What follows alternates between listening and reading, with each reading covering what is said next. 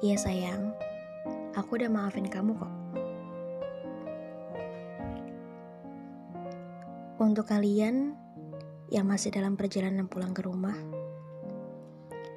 apakah kalian pernah melakukan kesalahan sehingga membuat seseorang itu menangis? Dan setelah kalian tahu bahwa orang yang kalian sakit itu menangis, apa yang kalian lakukan? Meminta maaf? Ya, memang seharusnya begitu. Kita membuat kesalahan, menyadari, kemudian meminta maaf. Semua orang tahu itu merupakan alur secara tidak sadar ketika kita ingin meminta maaf kepada seseorang. Tapi secara tidak sadar juga kita lupa Apakah meminta maaf hanya sekedar kata-kata belaka untuk menghapus air mata? Atau suatu ketulusan agar semuanya bisa baik-baik saja? Jika memaafkan adalah proses untuk menghentikan perasaan dendam atau marah karena merasa disakiti, lalu bagaimana dengan meminta maaf yang rasanya sulit sekali diucapkan? Dan hanya sebagai tisu agar air mata yang mengalir itu berhenti. Rasanya kejam sekali ketika seseorang yang menyakiti kita meminta maaf hanya untuk membuat kita berhenti menangis. Kemudian mengulangi kesalahannya kembali dan meminta maaf lagi. Terulang kembali. Untuk yang tersakiti, Memaafkan memang tidak mudah, butuh proses dan perjuangan untuk melakukannya. Memaafkan memang memiliki energi positif bagi kesehatan kita, kesehatan jasmani, psikologis, dan spiritual kita.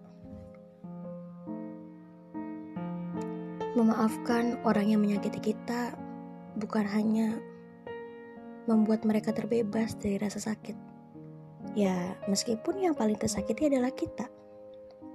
Memaafkan membuatmu semakin bersyukur. Karena kamu masih diberi kelapangan hati untuk memaafkan orang lain. Jadi, sudah siap untuk memaafkan orang yang selama ini menyakitimu. Jangan lupa ya, untuk memaafkan dirimu sendiri lebih dahulu. Lepaskanlah dirimu dari semua rasa sakit akan masa lalumu. Apa pun dan bagaimanapun lukamu berkembang dan menyiksamu saat ini, cobalah untuk memaafkan dan berjuanglah menerima keadaanmu. Selamat malam.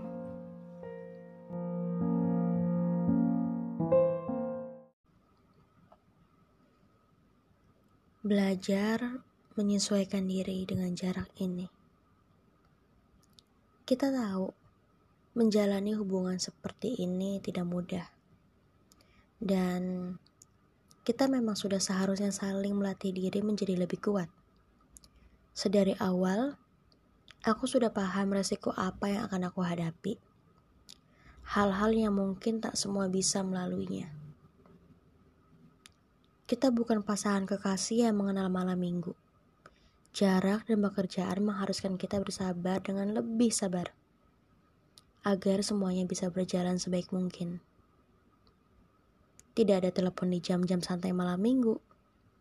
Tidak ada panggilan video, kecuali chatnya harus berjeda-jeda balasannya.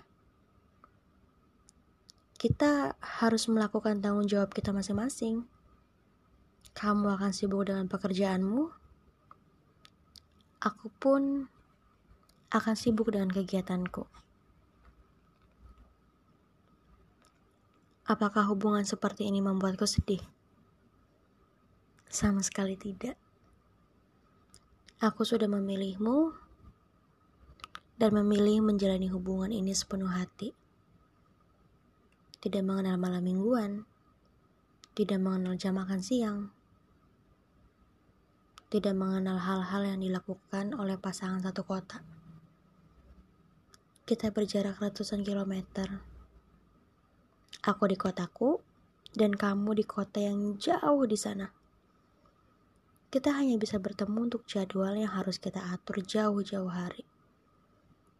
Saat semua kegiatan kita bisa kita liburkan. Ya, kalau belum datang jadwal itu, malam minggu bagi kita adalah malam yang sama seperti sebelumnya. Sama seperti malam minggu-malam minggu biasa.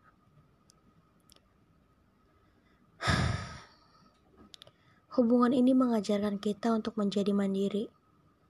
Saat aku butuh kamu, aku harus melakukannya sendiri.